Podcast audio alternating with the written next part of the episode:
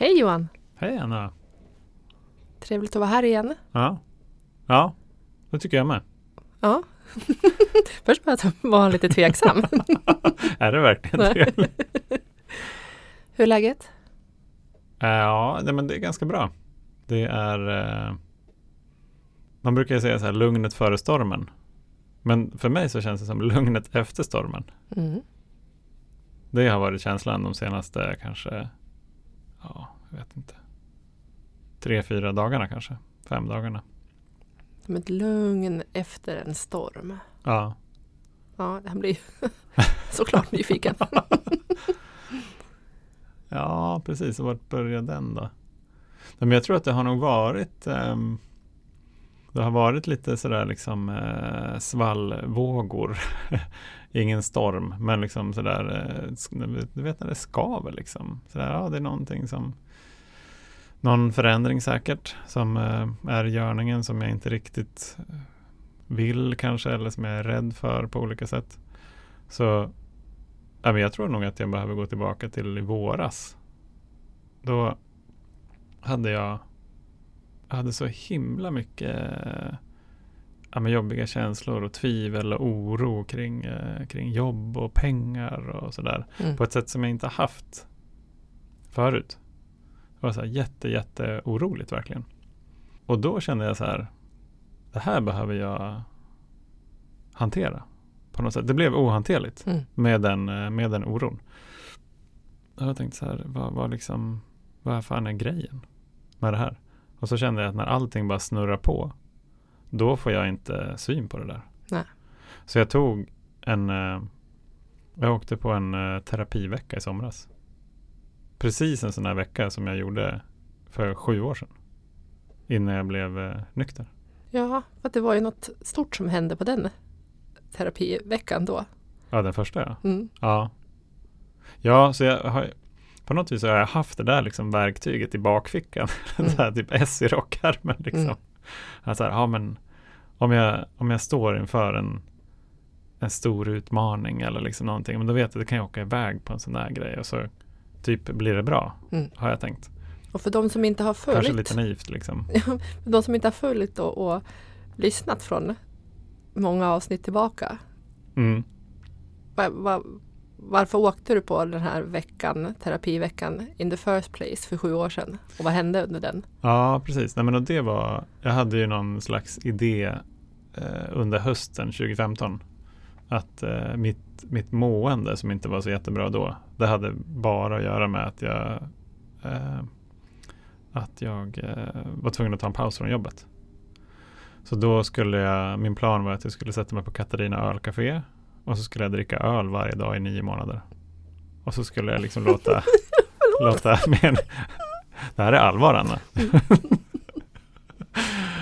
och så skulle jag låta meningen med livet och, och, och, min, min mening i det livet liksom sippra ut i den där för varje öl kanske, jag vet inte riktigt. Mm. Ja, och så pitchade jag i alla fall den här idén för min chef då. Som tyckte att ja, det var kanske ingen briljant idé. Skulle kanske behöva ta reda på varför du mår dåligt. Mm. Så då var det han som lotsade mig vidare till terapi. Så så här, du kan ju testa det här.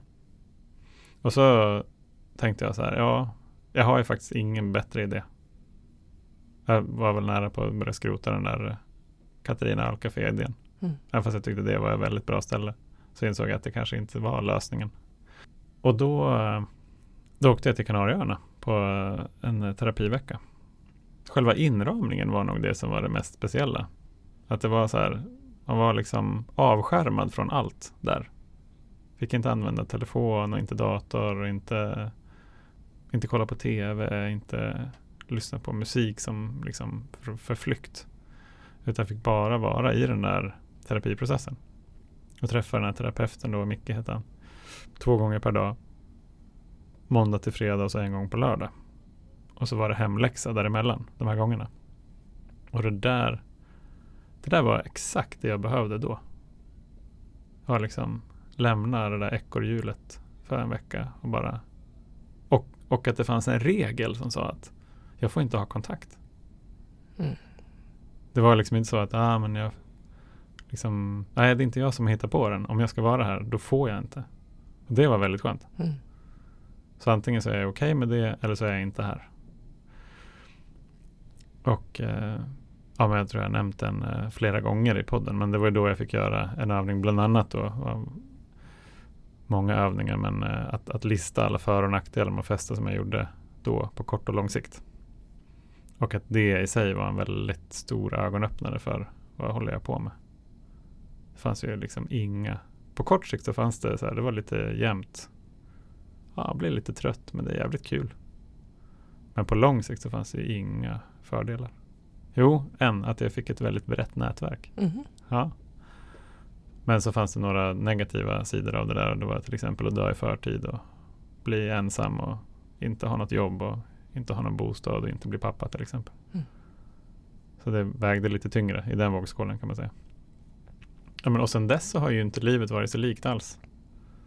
Det har varit en helt annan resa och terapin har fortsatt. Eh, och det som har lagts till är ju framförallt 12-stegsprogrammet. Mm. Och sen, al- och sen Alkispodden och liksom allt det. Men. Så att ehm, jag visste någonstans att det där verktyget fanns där. Det, det finns möjlighet att liksom ta en skärma av en vecka och bara fokusera på det som eh, behöver lösas. Utan att jag vet hur jag ska göra det. Så då under någon ångestnatt där i våras. Jag var så här, nu bokar jag in den här veckan tänkte jag. Nu gör jag, ja men det var så här, att investera i sig själv kanske. Det var för jag visste att eh, jag kommer liksom inte reda ut det. Kändes det som i alla fall själv. När allt snurrar på. Precis som det var förut. Det är bara att nu är det andra saker som snurrar på. Nu snurrar det på att, eh, att vara delägare och partner på en eh, byrå. Och det snurrar på att vara småbarnsförälder och gift man. Och, alltså ha ett landställe och allt möjligt. Alla gåvor som jag har fått under nykterheten kan man säga. Mm. Men då var det den där liksom både oron och skavet och liksom massa tvivel på kommer det, kommer det bli bra? Som det här, kommer jag klara mig? Kommer jag... Så då tänkte jag, ja men då tar jag den här veckan. Så jag åkte dit i, ja, men i slutet, nej, mitten av juli var jag där. Och såklart så hade jag så oerhört stora förväntningar på hur det skulle vara. Mm. Det var liksom ungefär att Nej men jag har inga speciella förväntningar. Det är bara att allt ska bli bra. och såklart så skönmålade jag oerhört mycket hur det var förra gången. Ja. För det är klart att jag, alltså det blev en sån monumental förändring av livet. Men jag mådde ju inte bra hela tiden. Jag hade ju fått en riktning i alla fall. Men just att släppa identiteten som festfixaren och ja, men liksom allt som hade med det där livet att göra som jag ju både älskade och hatade på samma gång. Mm. Det var inte så att det var walk in the park. Men så Nej men så kom jag dit i alla fall. Och eh, jag landar på, på söndag kväll och så ska jag sätta igång på måndagen. Har eh, hyrt, en liten, eh, hyrt en liten lägenhet nära stranden. Och så tänker jag så här, ja, undrar vad vi ska prata om. Jag hade inte satt något tema eller någonting för veckan. Och så ja, men kommer jag dit på måndagen och så liksom börjar vi småprata lite grann och, liksom och, så här, och jag känner att jag, det, det, jag känner så här, ja men nu, klick, nu, nu, nu liksom klockan går här nu. Jag måste, jag, jag måste komma på vad det är vad jag, vad jag ska göra. Jag kan inte sitta här och små, småsnacka liksom. Så Micke märker väl det att så här, ja men nu vill han nog komma igång här. Så då säger jag så här, ja men jag har tänkt lite grann. Jag har ett förslag på tema. Tänkte, ja men det var ju jävligt bra. Och då säger han så här. En sak som jag har eh, märkt under våra sju år. Som återkommer som gång på gång. Med lite jämna mellanrum. Det är tvivel. Så jag tänkte vi kan eh, jobba med tvivel. Och då kände jag så här. Ja, det var väl fan. men, men samtidigt också. Ja, det är exakt det som jag behöver hantera. Tvivlet. Och liksom vad det, vad är det för någonting? egentligen? Det där tvivlet. Sjukt spännande. Mm. Kände jag då i alla fall. Så då sa han så här att ja, ja men det är bra. Vi har förberett eh, 30 frågor kring, eh, kring tvivel. Som jag tänkte att du skulle ta och, och jobba med eh, under veckan och som vi kan liksom väva in i våra samtal. Och eh, sen började vi. Och det blev sjukt jobbigt. Blev det. Och ja, men så här, ett, ett tema var, var tvivel. Och sen så ett annat tema blev under veckan förlåtelse. Mm. Och till exempel då, jag kollar upp, jag har eh, listan över alla de här frågorna. Åh, vad spännande. Ja. Och då, ja men den första frågan så här, ganska bra. Så här, vad betyder tvivel för dig? Vad använder jag tvivlet till? Sen när har jag haft det här problemet och av vem har jag lärt mig det? Mm. Det tyckte jag var en ganska bra fråga. För någonstans är det ju alltid så med liksom våra mönster och strategier och liksom allt det vi gör. Ja. Vi har lärt oss det någonstans. Och det här, jag har nog tvivlat så länge som jag kan minnas faktiskt. Alltså tvivlat på både, både stort och smått. Att så här, tvivla på att jag ska klara av någonting. Tvivla på att ett prov i skolan ska gå bra. Eller att jag ska klara en uppgift på jobbet eller så. Men också tvivla på min egen förmåga att hantera livet. Mm.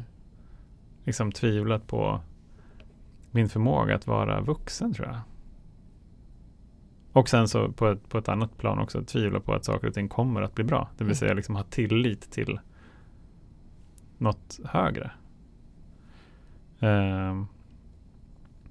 ja men så jag fick också ja, men så här, göra lista över återkommande tvivel i nuet. Eh, vilka vinster får jag av att tvivla? Mm. För så här, allt det vi gör är inte bara negativt, då hade vi inte gjort det. Precis som det var i början, eller så här, den där första övningen. Beskriva alla för och nackdelar med att dricka som jag gör på kort och lång sikt. Det är klart att det finns vinster med att tvivla. Jag kan inte komma på någon Ja, men- direkt. Till exempel, jag tar inga risker. Ah, mm. Jag vet vad jag har. Mm. Jag vet vad jag får. Är det det bästa? Nej, kanske inte, men jag vet det är tryggt i alla fall. Så om jag, om jag låter liksom mina tvivel begränsa mig, ja, men då är jag ju kvar på samma ställe. Men jag är i alla fall på det här stället. Mm. Jag tar ingen risk att liksom gå någon annanstans och tänker att ja, men det blir bättre och så kanske det blir sämre. Så det finns ju liksom en, det finns ju en logik där. Absolut, det är precis som du säger. Annars skulle vi inte ta till Nej. tvivlet. Och sen då så här, ja, men hur begränsar mitt tvivel min kreativitet, min självkänsla, min mentala, känslomässiga och andliga balans? Hur begränsar mitt tvivel min tro? Hur begränsar det mitt mod? Och just den där, så här, hur begränsar mitt tvivel min tro? Den blev verkligen, verkligen en, en ögonöppnare. För jag insåg att så här, ju, mer, ju mer jag tvivlar, desto mindre tillit har jag, desto mindre tro har jag. Går, de kan liksom inte riktigt samexistera. Nej.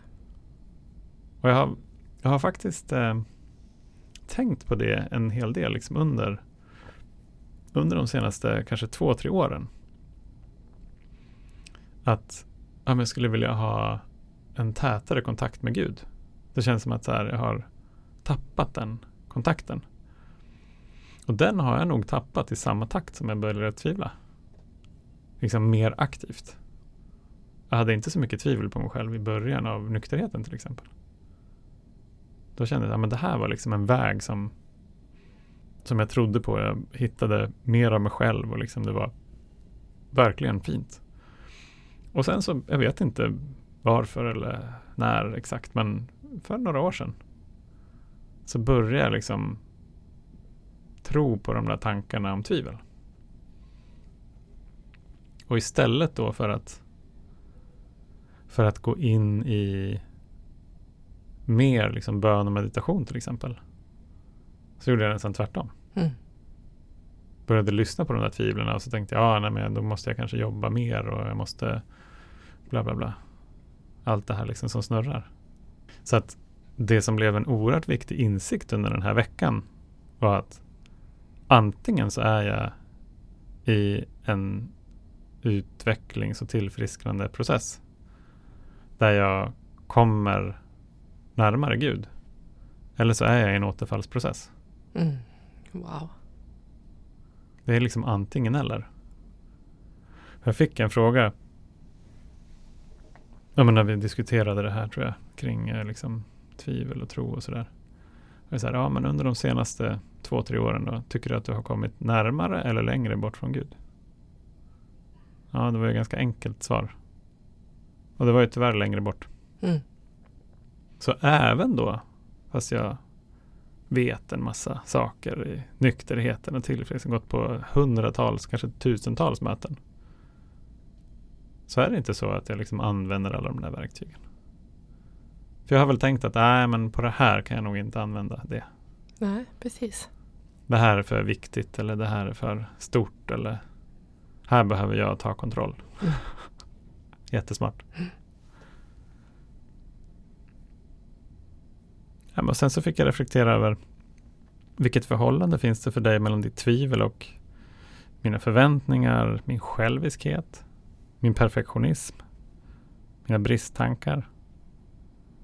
Och en som en, eh, en fråga som verkligen liksom vred, vred om var så här, på vilket sätt minskar och blockerar du din livsenergi genom att förbli dina tvivel? Vad hände då? Ja, men då kände jag att eh, jag kunde se mig själv liksom bara vara fast. För att jag hade intalat mig själv att jag inte klarar av att gå därifrån. Hur var Och- den känslan? Ja, den var fantastisk. jag tror också om man ska liksom här, tänka tillbaka till för några år sedan. Då var det nog så att jag fick nog liksom en del så här signaler. På att ah, men det är nog kanske dags att liksom att gå vidare, att utvecklas vidare här borta. Att jag ska ta några steg liksom i, i jobbmässigt utanför där jag är. Men så har jag bara slagit bort dem. Jag har valt att inte lyssna. Jag har skapat en eh, skapat en logik kring varför det inte går.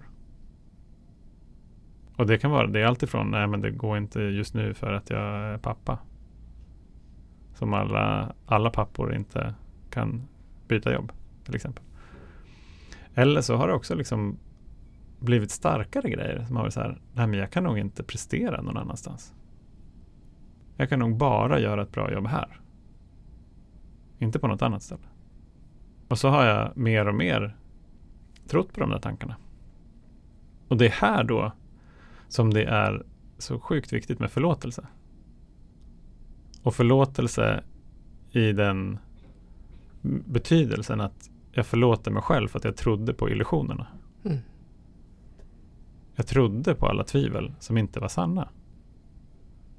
Och så var det de som det var de tankarna och de känslorna som de väckte som jag lutade mina beslut emot. Det vill säga, jag beslutar att stanna kvar.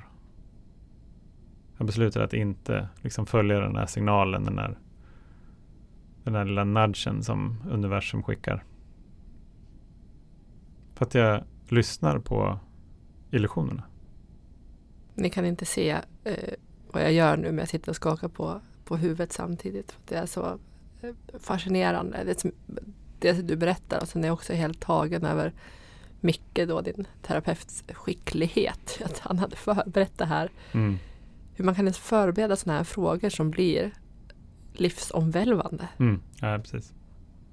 Nej, så det var, ja, det var, en, det var en ögonöppnande vecka. Jag fick syn på väldigt mycket liksom, av de här tankarna och illusionerna som, som jag har lyssnat på så oerhört länge. Och så fick jag också träna väldigt mycket på förlåtelse. Och sen så gjorde jag upp en handlingsplan. Och ett av de liksom, och det, det, det centrerades ganska mycket kring jobbet. Och, och en av dem var då liksom att, äh, men att jag behöver säga upp mig från jobbet. Och eh, det för mig har ju aldrig liksom varit på tapeten utan att jag har hittat ett annat jobb.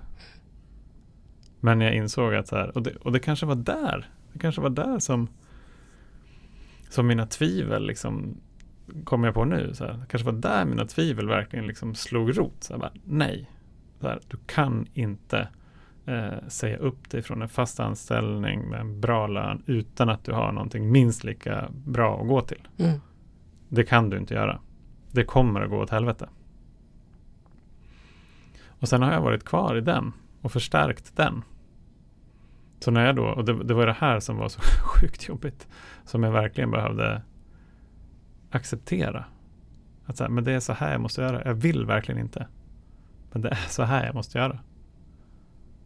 Nu först, jag förstår varför nu när vi sitter här idag, någon månad, några månader senare. Mm. Men då var det som det här är det mest sinnessjuka jag har gjort. Är det här en psykos jag har hamnat i? Eller liksom, kan, man Mm. ens, kan man ens göra så här? Mm. Så när jag kom hem därifrån så det första jag gjorde var att jag åkte jag åkte och hälsade på mina chefer som var på sitt landställe. Och så pratade vi flera dagar. Inte bara om det här, men eh, vi pratade mycket om det här. Mm. Eh, för att jag insåg också att okej, mitt jobb har betytt väldigt, väldigt, väldigt mycket för mig. Det var här jag blev nykter. Det var tack vare liksom fantastiska människor och ledare. Så jag vill också hedra det. Liksom att verkligen, ja men ungefär när en väldigt fin kärleksrelation, när jag, när jag märker att den tar slut. Då vill jag göra slut på ett kärleksfullt sätt. Det var precis det jag ville göra nu. Och det där har jag liksom aldrig kunnat göra. Jag har aldrig varit den som har gjort slut. Jag har ver- verkligen bara velat vara kvar och fixa och liksom, jag klarar mig inte utan den här relationen och sådär. Mm. Och så har jag också tänkt med jobbet. Såklart. Det var ju det som var några av de här tvivlen. Jag klarar mig inte utan det. Men så där började det liksom en resa som var Först så kommer ju insikterna och sen så kommer beslut och kanske åtagande. Men det som var svårast var ju att gå till action. Att faktiskt liksom sätta sig i bilen och köra ner till Skåne. För att säga upp sig. Mm. Utan att veta vad jag ska göra. Och utan att veta vad kommer reaktionerna bli. Utan att veta hur kommer det här att påverka vår relation och är det här det största misstaget jag har gjort i hela mitt liv? Mm.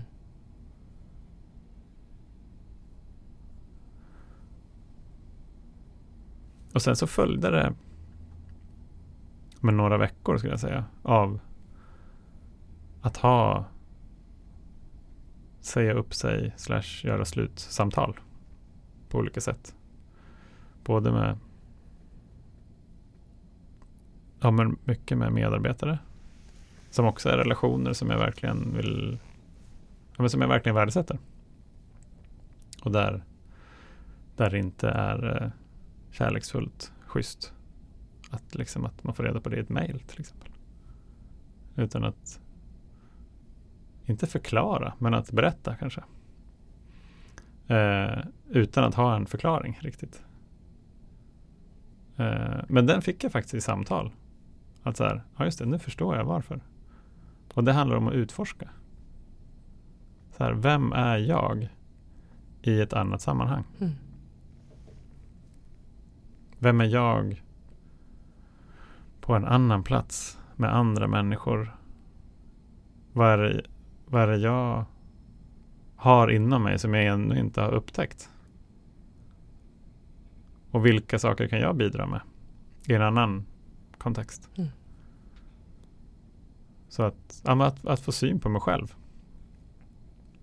Och det var den som jag insåg att så här, för att komma vidare i processen, för att fortsätta tillfrisknandet helt enkelt, så behöver jag, göra, behöver jag vara på en annan plats. Annars så är jag i en återfallsprocess. Som ju inte egentligen har någonting med jobbet att göra. Det har ju bara med vem jag tänker och tror att jag är där.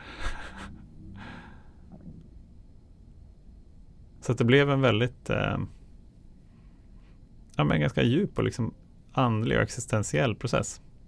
Mm. Av någonting som liksom på ytan är ganska banalt, det är bara ett jobb. Nej, för mig är det inte det. Eh, och jag, jag vet väl inte om jag vill att mina kommande jobb ska vara så. Det har ju varit fantastiskt. Men det har också varit, jag menar i, i den här göra slutprocessen har varit jättejobbigt. Också. Men mycket kärlek.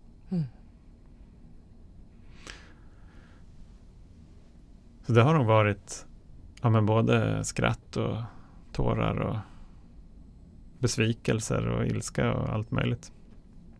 Sorg. Och kärlek men nu väldigt mycket tacksamhet. För att vara att få ha haft möjligheten att vara på ett ställe i 13 år.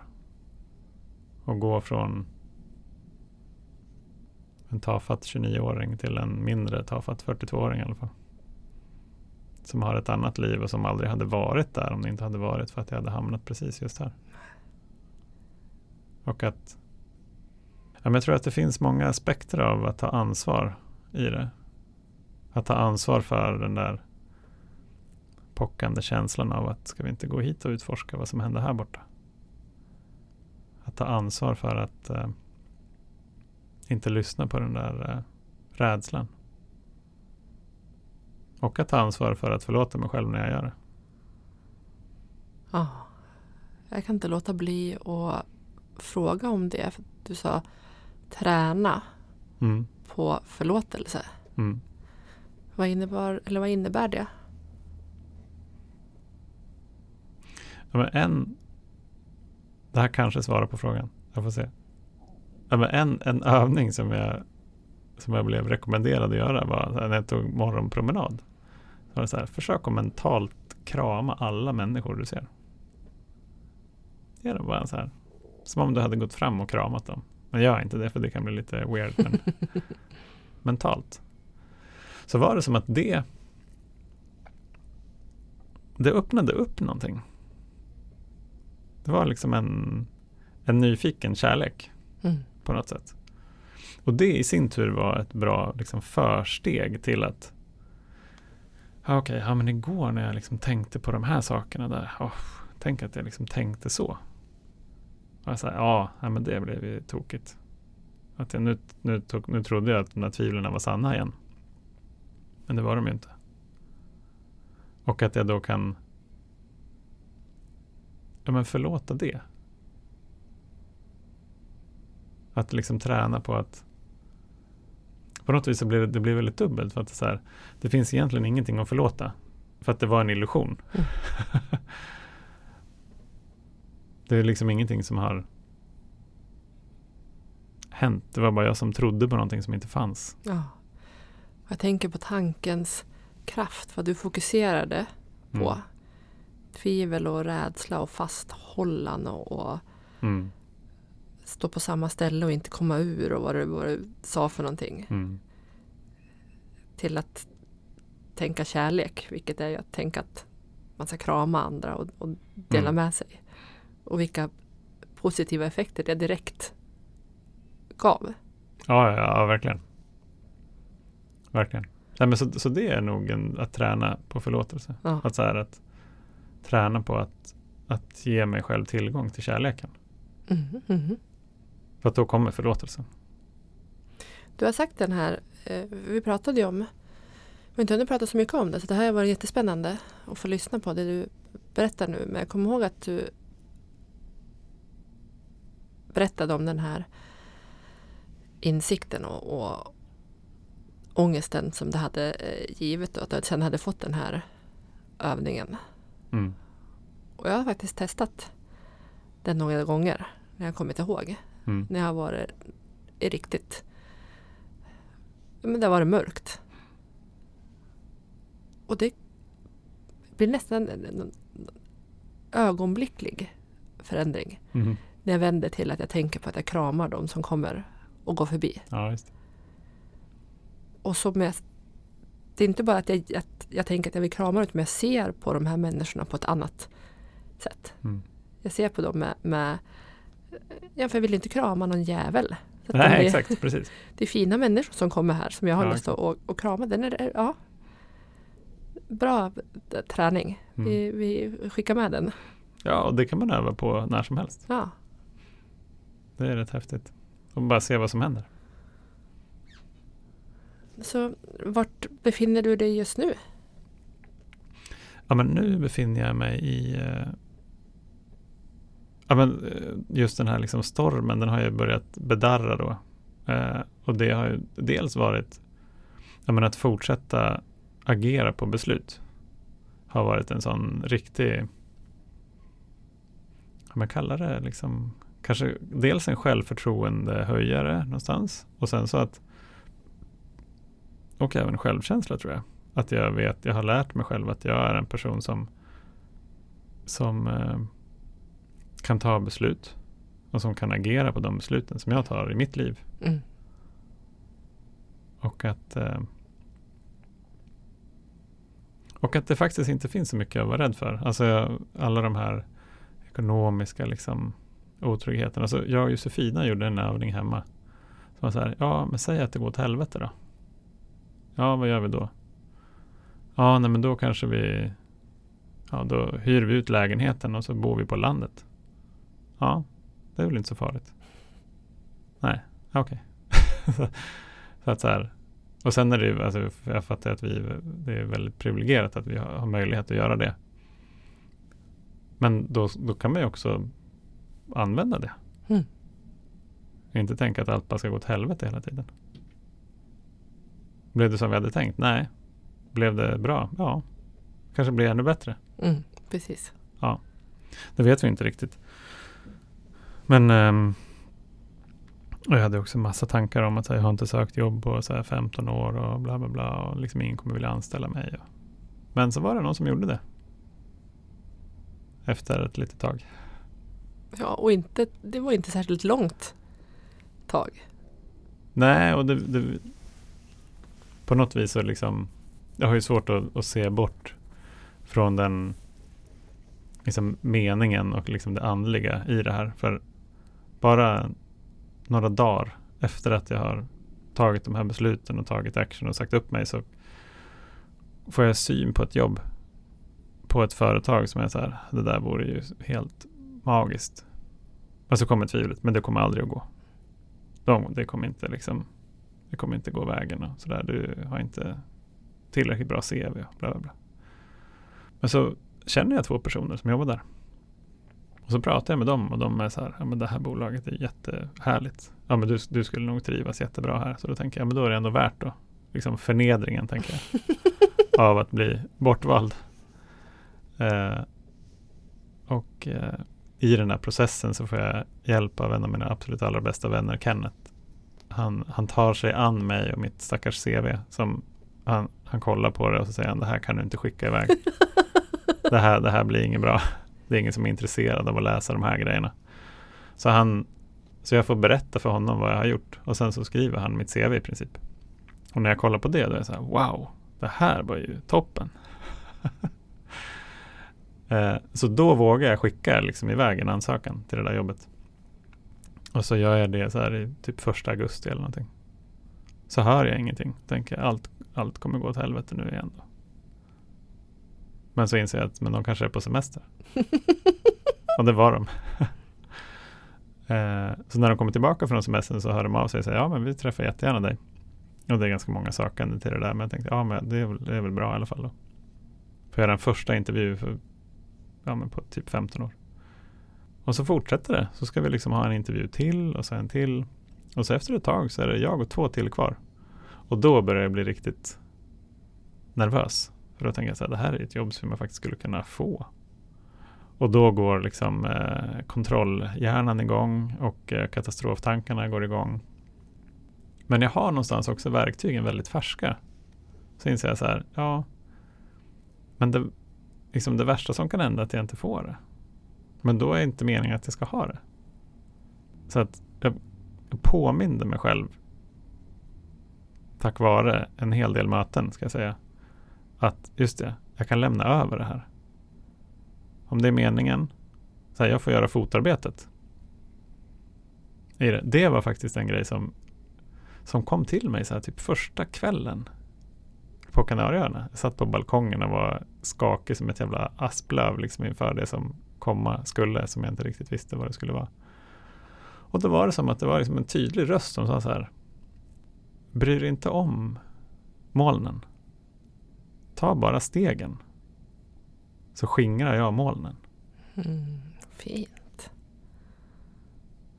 Och det var så skönt. Det var så här. Ja, men jag, jag kan inte vara där uppe och vifta. Utan jag får ta liksom ett steg i taget här nere på marken. Och sen så kommer de här molnen att skingra sig. Men det är inte jag kan inte påverka det mer än att jag bara ska gå sätta ena foten framför den andra. Så liksom gör fotarbetet bara. Och det, det kommer jag ihåg under den här processen. Jag bara gör fotarbetet. Ja, men jag, jag säger när jag kan eh, ha intervjuer och sen så, sen så är jag helt ärlig med vem jag är och vad jag kan och inte kan och vad jag tycker om och inte tycker om och så. Och så får vi se om det är en match. Och är det inte det så är det inte det. Då är det bättre att vi vet det. Så det gjorde att det blev en ganska utforskande process. Som ändå innehöll en del stress. Mm, mm, eh, förstår det. Eh, bland annat en, eh, en episod när jag skulle göra intelligenstester. Så, det här kan ni fråga Josefina, min stackars fru om, som var hemma den dagen då jag skulle göra ett av de här testerna. Och där jag, jag tyckte det var så jävla svårt. Och det kändes som att så här, jag fattade ingenting av de här testerna. Jag hade ändå gjort något så här provtest. Men jag var så här, det här var mycket svårare. Jag trodde tiden gick ut och liksom, nej, nej jag, kommer, jag får typ avbryta processen. För det här är bara så jävla pinsamt. Tänkte jag. Så under ett tillfälle så bara skrek jag rakt ut. Och typ jävla helvetes jävla. Och Josefina sitter på övervåningen och jobbar. Och så här, vad är det som händer? Ja, nej, men det gick åt helvete. Men hon bara, ja, men du behöver inte bete dig som en jävla barnunge. ja, men så visade det sig i alla fall att det ska vara sådär svårt. Av någon anledning. Och eh, det gick inte så dåligt som, som jag trodde. Så i alla fall efter eh, några veckor då så fick jag det här jobbet. Och när jag fick beskedet om att jag fick jobbet, då var det som att jag jag hade skapat ett försvar hos mig själv i att jag har en plan B som är jättehärlig. Kan jag starta eget och jag kan eh, köra consulting och föreläsningar och coaching och liksom så här. Det kanske jag gör någon dag. Och jag tror framförallt att jag skapade den här idén för att jag inte skulle bli förtvivlat ledsen om jag inte fick det här jobbet, om jag skulle bli bortvald. Och jag var helt säker på att jag inte skulle bli vald. Så då tänkte jag, jag kan lika gärna gå den där, jag kan gå in i hur det är när jag startar eget. Direkt.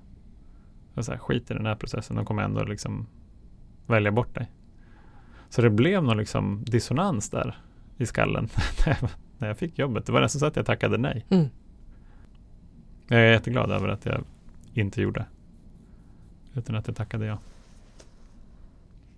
Ja, det är, det är så fascinerande hur vi fungerar och, och vad vi har förmågan att hitta på för någonting. Ja, absolut. Från liksom, inte bara en dag till en annan, från en sekund till en annan. Ja. Som switchar helt om. Från att eh, jag lämnar över det här till en högre makt till det här är alldeles för viktigt, det här, nu måste jag liksom eh, in och ta mm. kontroll. Mm. Som fastnade hos mig var hur du uttryckte här att, håll, att verktygen fortfarande var färska. Mm. Och hur det liksom att vi pratar hela tiden om att vi behöver gå på möten med andlig spänst eller hur vi uttrycker det. Mm. Att det mm. är verkligen så. Ja, Intellektuellt så vet jag att jag har ett, ett, jag har ett stort jävla toolbelt som mm. hänger runt midjan med så mycket verktyg. Mm. Men så fort det går för lång tid, så fort jag inte är i kontakt med min högre, högre kraft eller, eller går på möten eller gör det, det jag ska, så kan inte jag se verktygen. Nej, Nej precis. Det är som att jag glömmer bort att de finns. Ja. Mm. det är vår uppgift, liksom, att hålla dem eh, färska. Mm. Exakt. Då kan vi hantera allt som kommer vår väg. Mm. Det blir inte som vi har tänkt, som tur är. Som tur är så blir det inte det. Det låter som det kan bli jävligt mycket bättre. Ja, absolut. Alltså jag menar om jag hade om jag hade fått drömma vilt där när jag hade den där ångestnatten i våras så hade jag aldrig kunnat komma på det här. Inte en chans. Att du nu sitter här med drömjobb. Ja, exakt. Ja, fint. Ja, och att det var i den ordningen. Att liksom det var inte så här, ah, jag, jag skaffade ett jobb först och sen sa jag upp mig. Nej, men Utan precis. att det också var, det var tvunget att hända i den ordningen. Ja. Och det här stora, jag tror att det är fler än jag som känner igen sig i det, att man säger inte upp sig från en fast anställning Nej, innan precis. du har en ny. Nej. Då är det kört. Ja, och det är ju i princip liksom helt oansvarigt att göra det. Ja, Det är ju bara impulsiva barn som gör det. Ja jag, jag har gjort det en gång Mm. och då skrek min mamma. Ja, Nej! nej, precis. Nej, exakt. Jag inser att så här, vad är det som egentligen skapar tryggheten? Är det att ha en fast anställning? Att det liksom är formen? Eller är det det som jag kan och kan bidra med? Som är tryggheten? Ja, jag har ju suttit på fasta anställningar och varit livrädd. Ja, exakt. Mm. Lösningen är inte alltid det vi tror att den är. Nej. Nej, det kan vi koppla tillbaka till när alkohol var min lösning Mm. på allt. Det är en typiskt dålig idé. Mm. Ja, exakt. Så för, för mig så blir det här också väldigt mycket tolfte steget. Inte just att föra budskapet vidare, men att applicera de här principerna i våra angelägenheter. Mm. Och en sån angelä- angelägenhet är ju hur, hur vill jag bidra i mitt jobb? Så på vilket sätt vill jag vara en budbärare av kärlek i jobbet? Ja, men nu var det dags att vara det någon annanstans. Men det var inte från det perspektivet jag såg det i våras. Alls. Ja, det blev liksom en liten recap för mig också. Vad är det som har hänt egentligen under de här? Nu har det hänt mer, men det här var väl snabbversionen tänkte jag säga. Mm. Men jag tror en, en, en lärdom är vikten av att, av att vara respektfull och kärleksfull i sina relationer. För att det är de som kommer att vara bestående.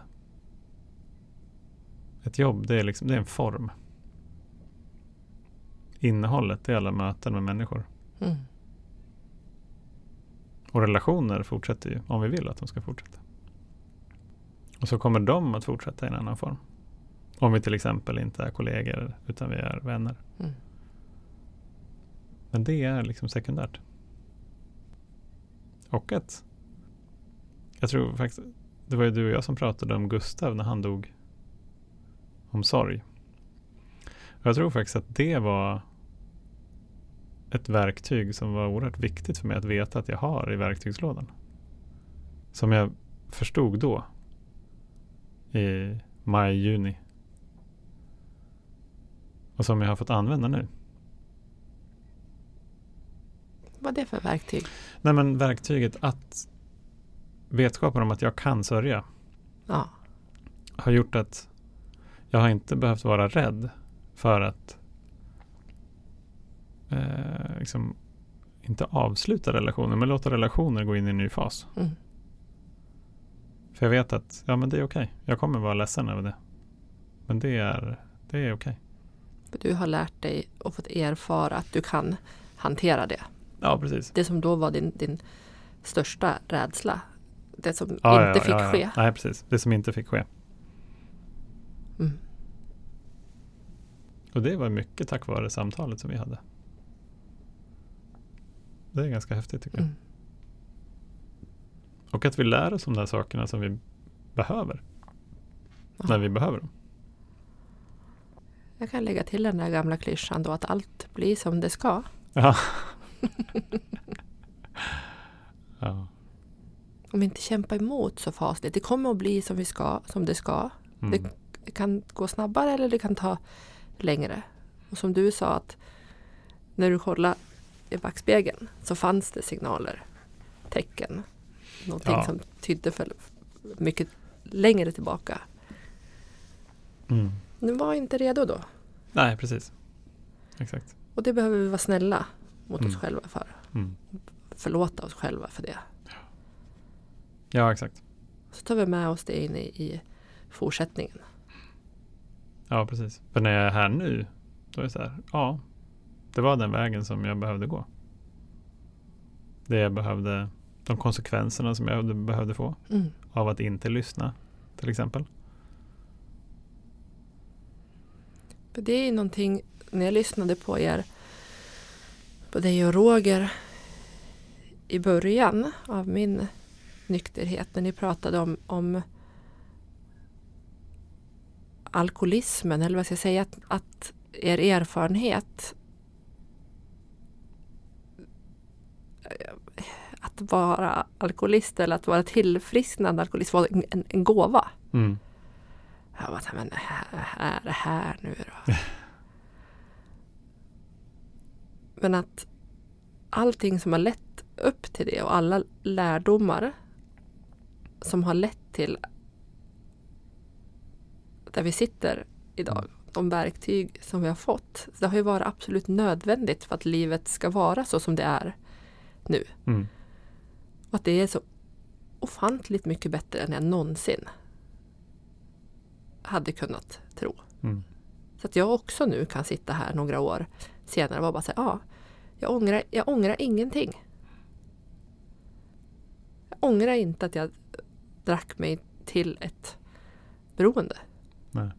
Att jag blev alkis. Det var nödvändigt, förstår jag nu, för att jag skulle göra de förändringar som behövde göras. Mm. Ofrånkomligt. Häftigt. Ja, det finns liksom ingen perfekt väg genom livet, tänker jag. Det finns nog eh, ja, ett mer eller mindre medvetet utforskande, Mm. tänker jag. Ibland så utforskar jag liksom i backspegeln. Ja. Och Liksom, hur blev, ah, ja, det, var, det var därför det blev så där. Ja, okej.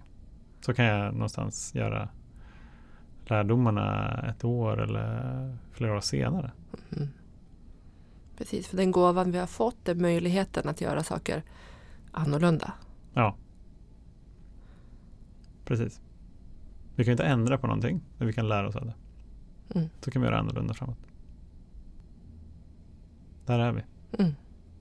Jag gillar det. Ja, Tack för att du delade med dig av den här. Det är, ja. Omgång två. Kanarieöarna. Kanarieöarna. Ja. Får se när gång tre Ja, blir. Nu är det bra som det är just nu. ja, just nu. Ja, om sju år kanske. Ja. ja, tack för att du lyssnade. Mm. Och tack för att ni lyssnade. Om ni fortfarande är kvar. Mm.